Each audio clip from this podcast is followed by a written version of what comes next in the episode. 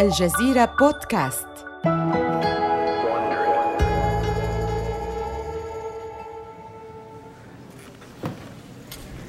إنه أبريل عام 2011 في حجرة دراسية ساطعة الأضواء بجامعة ستانفورد الأمريكية. يشعر إيفان شبيغل البالغ من العمر عشرين عاما بالثقة وقد توجت ستة أسابيع من العمل بهذه اللحظة. بقامته الطويلة الهزيلة وشعره وعينيه البنيتين.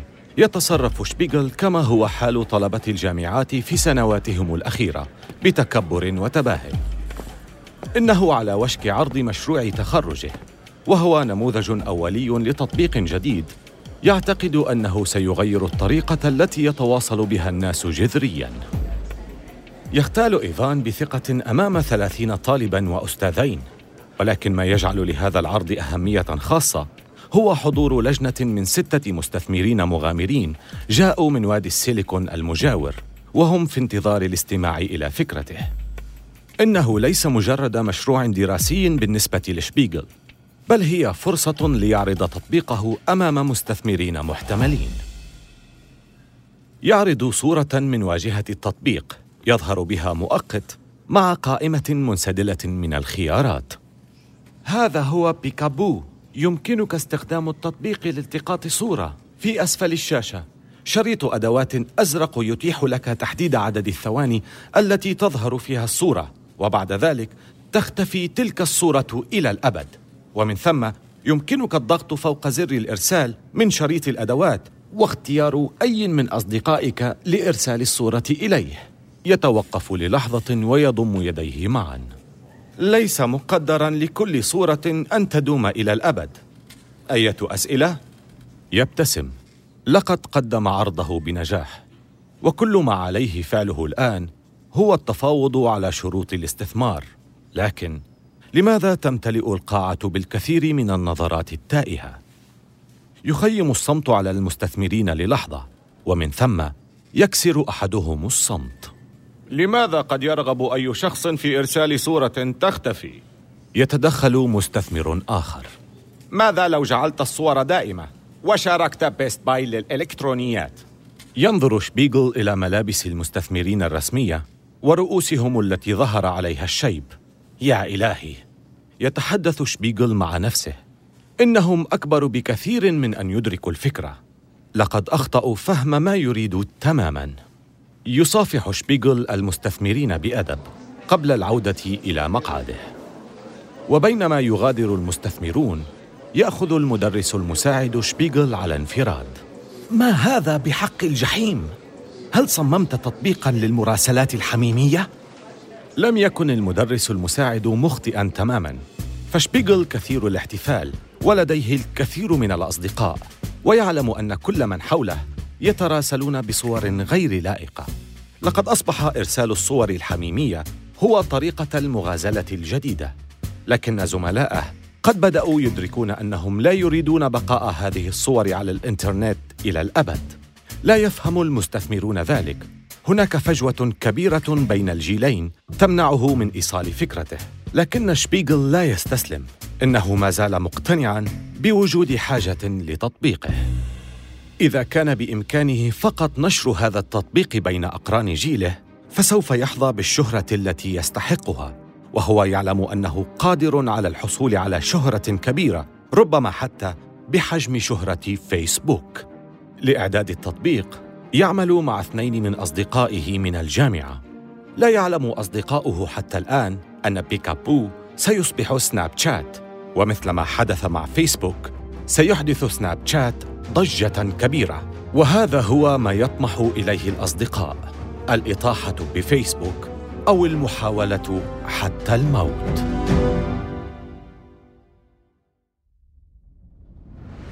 من الجزيرة بودكاست بالتعاون مع وونري. هذا بودكاست حروب الأعمال.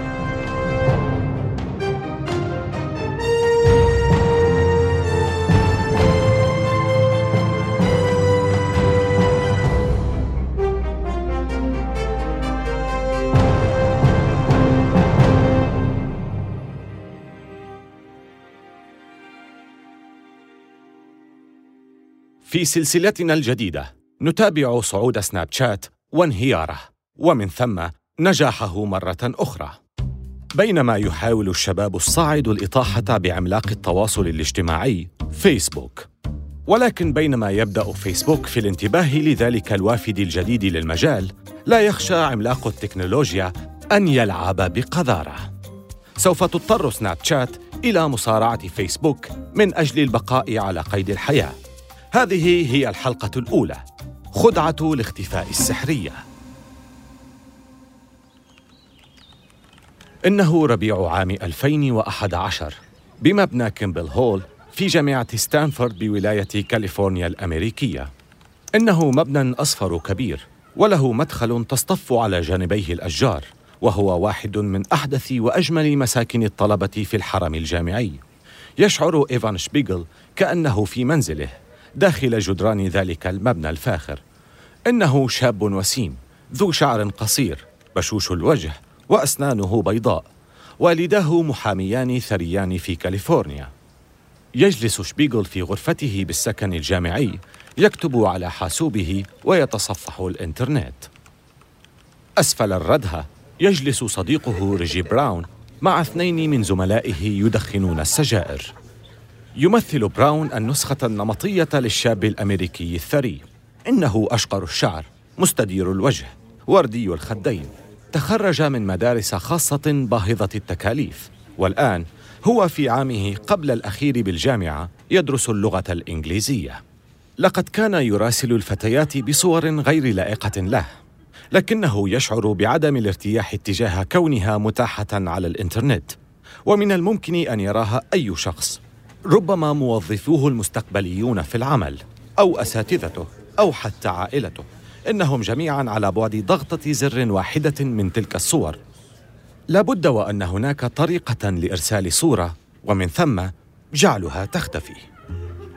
لحظة يفكر براون. إنني عبقري.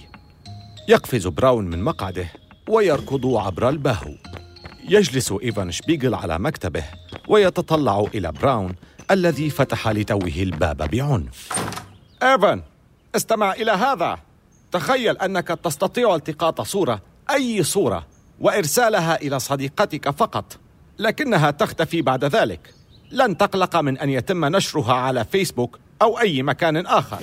ينهض شبيغل بحماس. يا إلهي. يبدأ التجول في الغرفة ذهابا وإيابا. تدور الأفكار في رأسه. يا للروعة. إنها فكرة تقدر بمليون دولار. ولكن شبيغل مخطئ. إنها لا تقدر بمليون دولار بل بمليار دولار ربما بعدة مليارات أيضا. بالنسبة لشبيغل فإن هذه الفكرة هي هدفه القادم. إنه في عامه قبل الأخير في جامعة ستانفورد يدرس تصميم المنتجات وموقع جامعته استراتيجي للغاية فهي في قلب وادي السيليكون. وهو الشريان الرئيسي لأغلب مؤسسي المجال التقني المحتدم في منطقة خليج سان فرانسيسكو والذين سرعان ما يصبحون رواد أعمال عمالقة مثل مؤسسي فيسبوك وتويتر. بحلول عام 2011 بلغت قيمة فيسبوك 65 مليار دولار بينما تجاوزت قيمة تويتر أكثر من 9 مليارات دولار. وأكبر أمنيات شبيغل هي أن ينافس نجاحهم. إنه مليء بالثقة والطموح بل وببعض الغرور أيضا. لقد نشأ في حي ثري غرب ولاية لوس أنجلوس هو باسيفيك باليسيدز المطل على المحيط الهادئ وهو معتاد طوال حياته على الحصول على ما يريد. أمضى شبيغل سنوات من عمره يبحث عن طريق ليدخل منه إلى عالم التكنولوجيا وفي الصيف الماضي قام شبيغل وصديقه بابي ميرفي بتصميم موقع على شبكة الإنترنت يسمى فيوتشر فريشمان والذي يعني طلبة المستقبل. وكان مصمما لمساعدة أولياء الأمور وطلبة التعليم الثانوي ومستشاري التوجيه على إدارة عملية التقديم والقبول في الجامعات. كان إلى حد ما نسخة مقلدة من فيسبوك لكن لم يستخدمه أحد.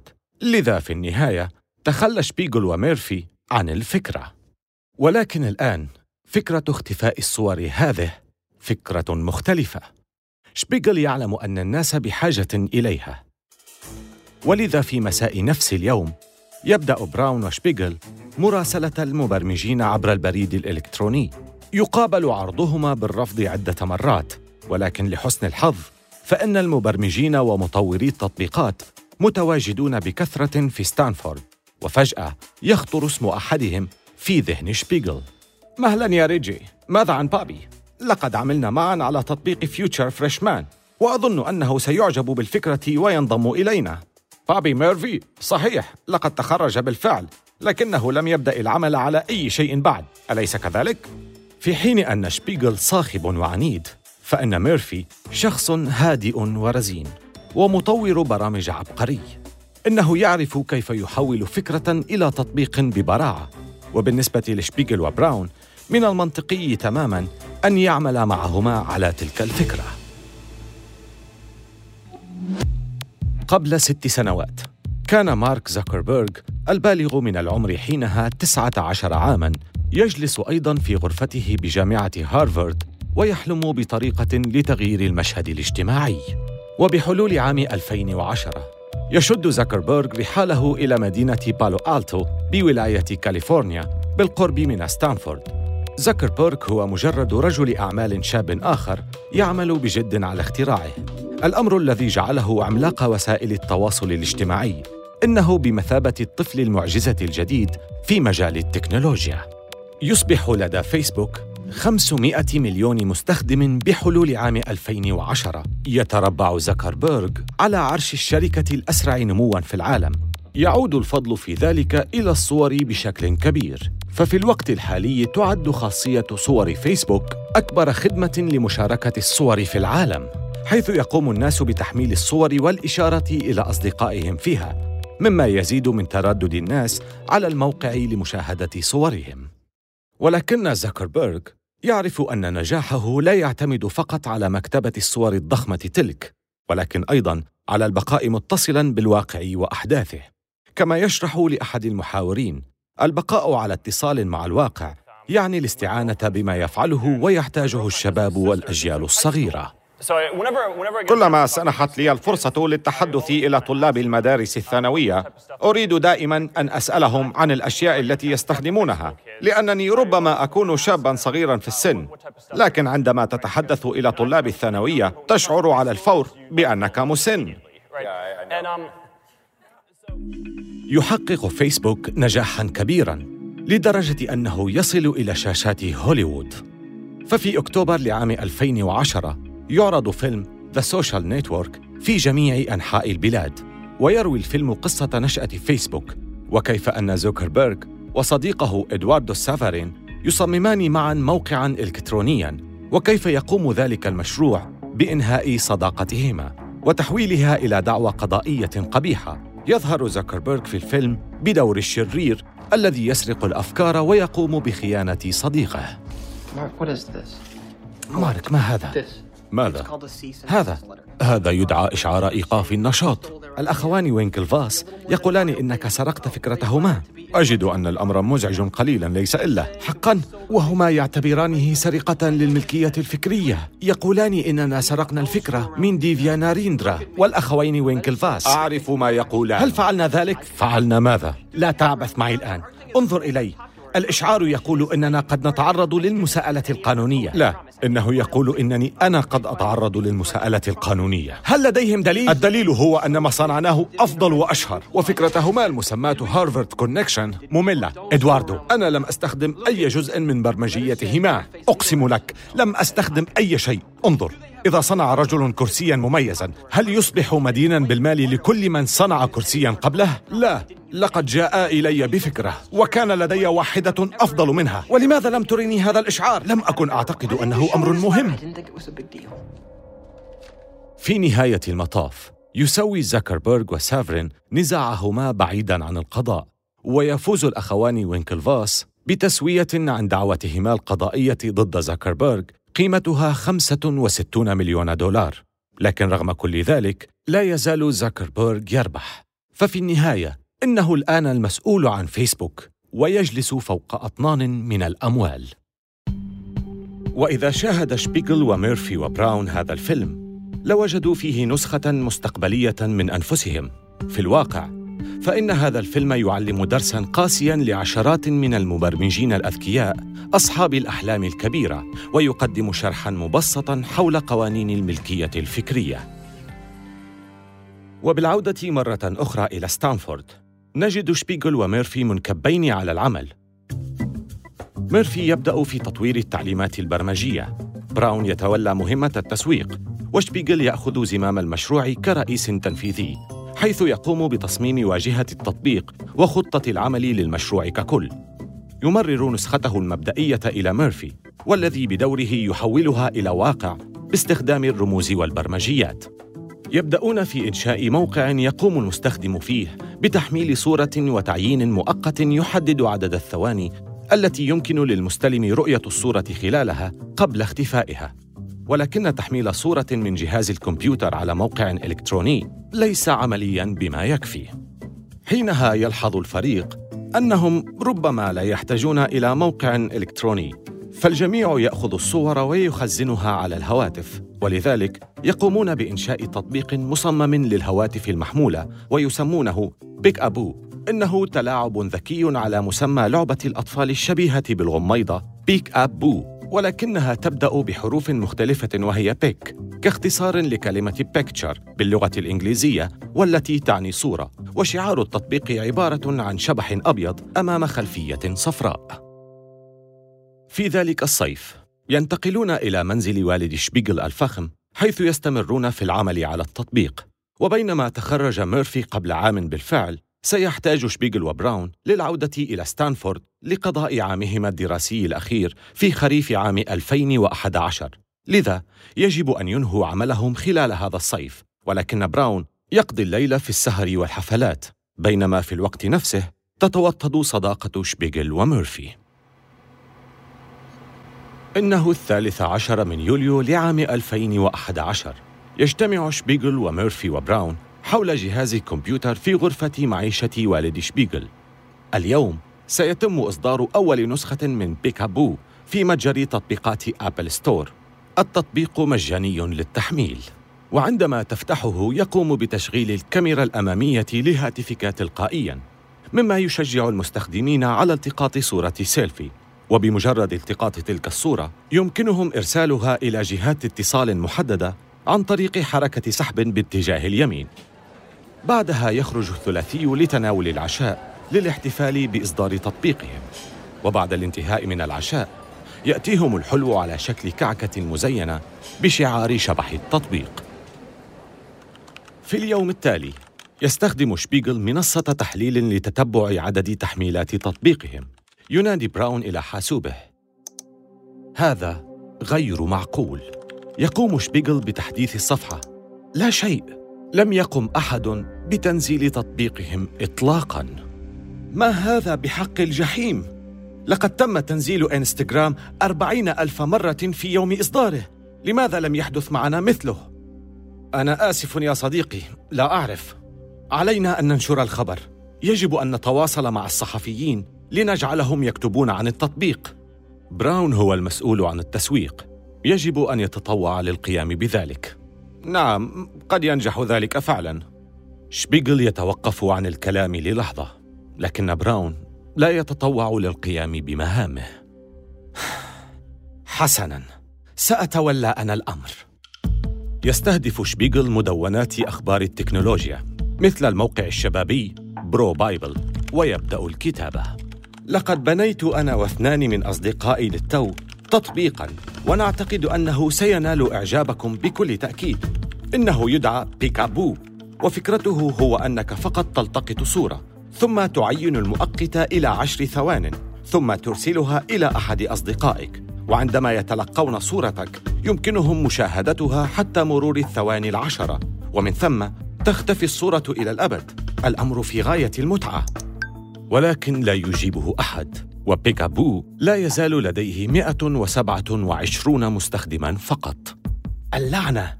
هذا مثير للشفقة. يجب أن نفعل شيئا لينتبه إلينا الجميع. يذهب به التفكير إلى أساس الفكرة فيقول ربما ينبغي علينا تسويقه بشكل أكثر صراحة كتطبيق لإرسال المحتوى الحميمي. لذا يقوم بكتابة إعلان ليشرح فكرة بيكابو بإيجاز. يتيح لك بيكابو أنت ومن تحب. إرسال الصور لإلقاء نظرات خاطفة عليها وليس للاحتفاظ بها.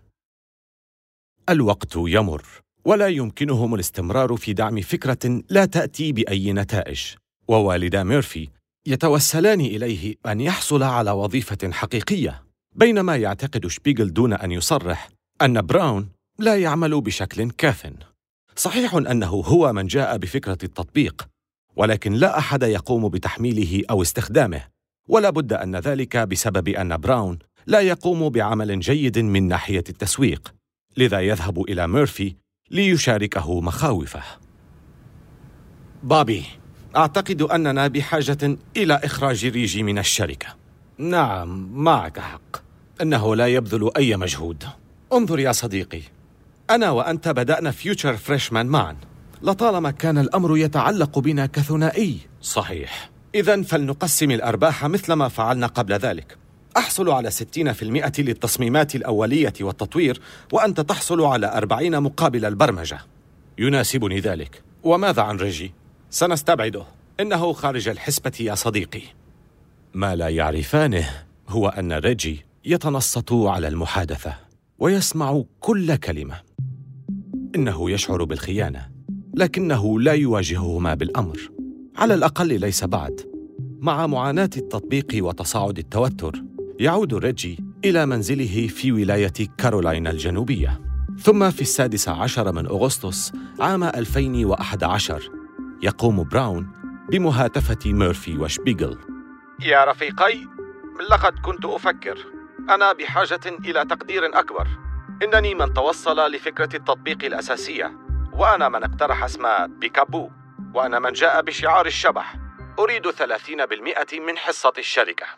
يسيطر الغضب على شبيغل. فقد قضى براون الصيف كله في الحفلات بدلا من العمل معهما. أنت لا تستحق أي شيء من ذلك. لكنني وجهت مواهبكما وأخبرتكما عما يجب عليكما فعله. كانت تلك القشة الأخيرة بالنسبة لشبيغل. يغلق الخط. ومن ثم يقوم هو وميرفي باستبعاد براون كليا وتغيير بيانات إدارة التطبيق والانقطاع عن الحديث معه. براون يستجيب عن طريق سيل من رسائل البريد الإلكتروني والمكالمات والرسائل النصية ولكن شبيغل وميرفي يتجاهلانه ويواصلان بناء شركتهما الناشئة. وتتوالى الأخبار السيئة. يتلقى بيكابو إشعاراً بالكف عن العمل من شركة ألبومات صور تحمل نفس الاسم. الآن شبيغل وميرفي بحاجة للتوصل لشيء جديد. اسم يعبر عن مفهوم التواصل بالصور. اسم يعبر عن اختفاء الصور بسرعة. وفي السادس عشر من سبتمبر لعام 2011 يتم إعادة تسويق بيكابو تحت اسم جديد سناب شات. ويتم إعادة إطلاقه في متجر التطبيقات. ويأتي هذا التحديث الجديد بخاصية أخرى أيضاً إنه الآن يسمح للمستخدمين بإضافة التعليقات والكلمات إلى صورهم. شبيغل هو الآن الرئيس التنفيذي لسناب شات، وميرفي رئيس قسم التكنولوجيا. لقد مر أكثر من عام منذ أن بدأهما وبراون العمل على سناب شات، ولكن الأمور لا تسير وفق خطتهما. لا يكاد أن يكون لديهما أي مستخدمين أو أرباح. وهذه التجربة تعلم شبيغل أن النجاح السريع يحتاج إلى وقت طويل أيضا. لذا يعود شبيغل إلى ستانفورد لإنهاء دراسته ويبدأ ميرفي عمله بوظيفة برمجة. لم يسر الأمر كما في قصص النجاح الخرافية التي كان يتخيلها شبيغل ويأملها ولكنهما على وشك تلقي طوق نجاة من حيث لا يحتسبان.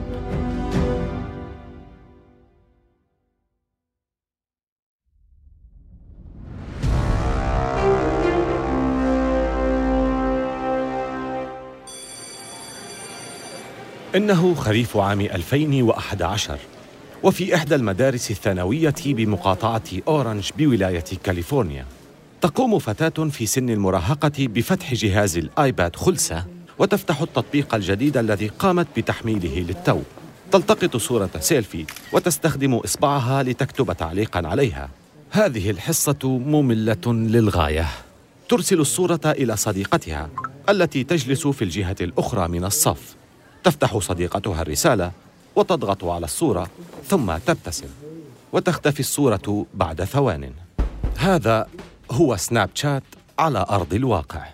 وقد وصل إلى تلك المدرسة منذ بضعة أسابيع عن طريق تداول أخباره بين الناس. ولم يبدأ الأمر بمراهق بارع في التكنولوجيا بل كانت والدة شبيغل هي من أخبرت ابنة أختها عن سناب شات. تذهب الفتاة إلى مدرسة مرموقة. حيث يتم إعطاء كل طالب جهاز آيباد للاستفادة من الإنترنت في البحث العلمي. وفيسبوك محظور هناك لكن الإدارة لا تعلم بشأن سناب شات حتى الآن. لذا تقوم قريبة شبيغل بتحميله على جهاز الآيباد المدرسي الخاص بها وتبدأ هي وأصدقاؤها في استخدام هذا التطبيق الجديد لإرسال الصور لبعضهم بعضاً. بالنسبة لهؤلاء المراهقين فإن سناب شات بمثابة النسخة الرقمية لتبادل الرسائل الورقية أثناء الفصل الدراسي وهو أفضل للجميع. فإذا تم الإمساك بهم فإن أدلة الإدانة تختفي. ينتشر التطبيق مثل الفيروس بين طلبة مدرسة مقاطعة أورنج الثانوية. الآن تبدأ أخيراً أعداد مستخدمي سناب شات في الازدياد. تقترب الأعداد من ألف عملية تحميل وهذه بداية مشرفة. لكن تلك الزيادة تسبب حيرة لشبيغل وميرفي لأنهما لا يعلمان مصدرها ثم يلاحظان شيئا غريبا. يزداد عدد المستخدمين أثناء النهار بين الساعة الثامنة صباحا وحتى الثالثة عصرا. تلك أوقات اليوم الدراسي بالمدارس. حقا فئة المستخدمين الرئيسية هي المراهقون؟ عجبا هذه سن أصغر بكثير من التي تحدث عنها شبيغل أمام المستثمرين في العام الماضي. إنه عيد الميلاد لعام 2011 وفي أنحاء ولاية كاليفورنيا يقوم المراهقون بجذب والديهم في مراكز التسوق إلى متاجر أبل لشراء أجهزة آيفون جديدة لعيد الميلاد. وبعدما ألح على والديه ليشتريا له الهاتف فإن أول ما يقوم به هذا المراهق هو تحميل تطبيق سناب شات على الهاتف الجديد يلتقط الطفل صورة سيلفي ويكتب تعليقا عليها قضاء الوقت مع العائلة ممل آه. يسحب الصورة لليمين ويضغط على اسم صديقته ويرسل الصورة تجلس صديقته في المنزل مع والديها عندما يضيء هاتفها تفتح الآيفون وتضغط على الصورة لتراها ثم تقوم بإخراج لسانها والتقاط سيلفي هي الأخرى بجوار شجرة عيد الميلاد أليس كذلك؟ حينها يبدأ كلبها باللعب في زينة الشجرة فتمسك هاتفها وتسجل له فيديو ثم تكتب عليه تعليقا سريعا. هذا مضحك جدا. تسحب الصورة لليمين وتحدد عدة أسماء من جهات الاتصال الخاصة بها ثم ترسل الفيديو. هؤلاء الأطفال يخبرون أصدقائهم من مدارس أخرى عن التطبيق الجديد الرائع الذين بدورهم يخبرون المزيد من أصدقائهم. وتستمر تلك الحلقة في الدوران.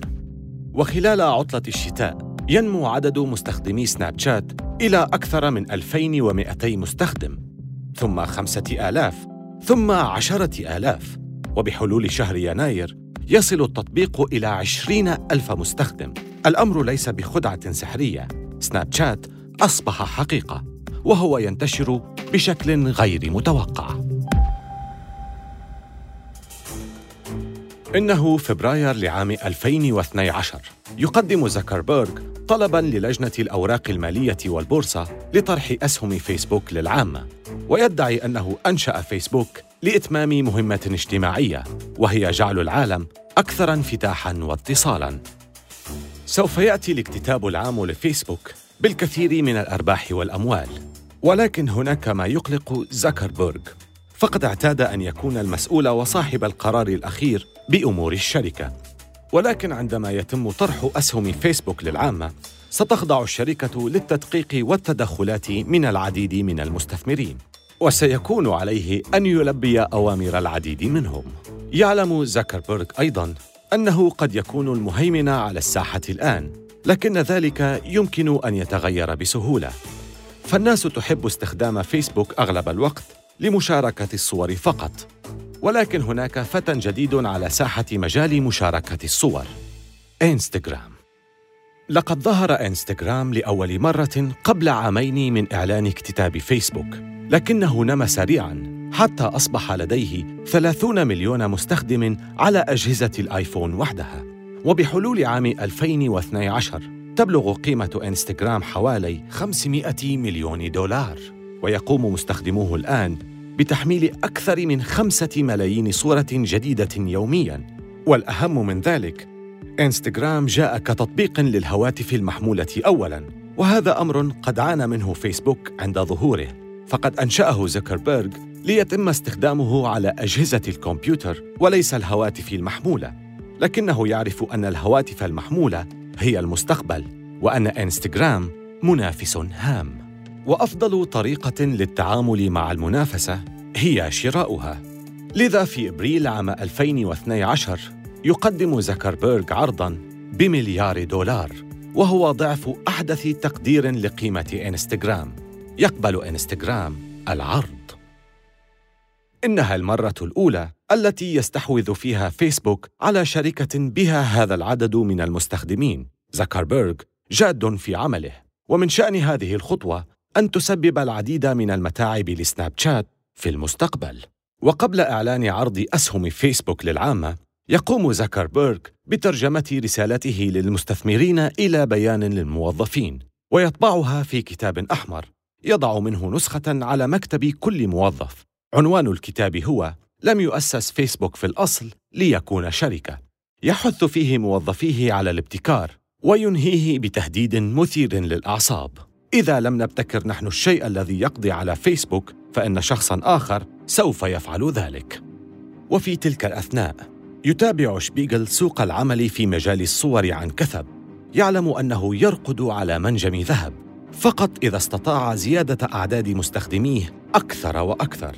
بينما يراقب شبيغل كل خطوة لزكربيرغ لا ينتبه زكربيرغ حتى لسناب شات. ولكن عندما يلاحظه أخيراً على عكس إنستغرام لن يكون شبيغل راغبا في التفاوض على شروط الاستسلام. في الحلقة القادمة ينتشر سناب شات من إحدى المدارس الثانوية في مقاطعة أورنج حتى يصبح ظاهرة وطنية وزاكربيرغ يهدد بسحق شركة شبيغل الناشئة. آمل أن تكونوا قد استمتعتم بهذه الحلقة من حروب الأعمال. استمعوا إلى حلقاتنا عبر أبل بودكاست وجوجل بودكاست وشاركوها مع أصدقائكم. ولا تنسوا زيارة موقعينا على الإنترنت podcast.aljazeera.net و wondery.com وملاحظة سريعة حول المحادثات التي سردناها. لا يمكننا أن نعرف بالضبط ما قيل. ولكن هذا الحوار مبني على أفضل الأبحاث التي قمنا بها. هذه السلسلة من حروب الأعمال قدمها في نسخة اللغة الإنجليزية ديفيد براون وكتبت القصة ناتالي روبيميد وحررت النسخة الإنجليزية. مسؤولة المنتجين والمحررين هي كارين لوي وجيني لوير منتجة. وقامت شركة باي إيريا ساوند بالهندسة الصوتية والمنتج المنفذ هو مارشيل لوي.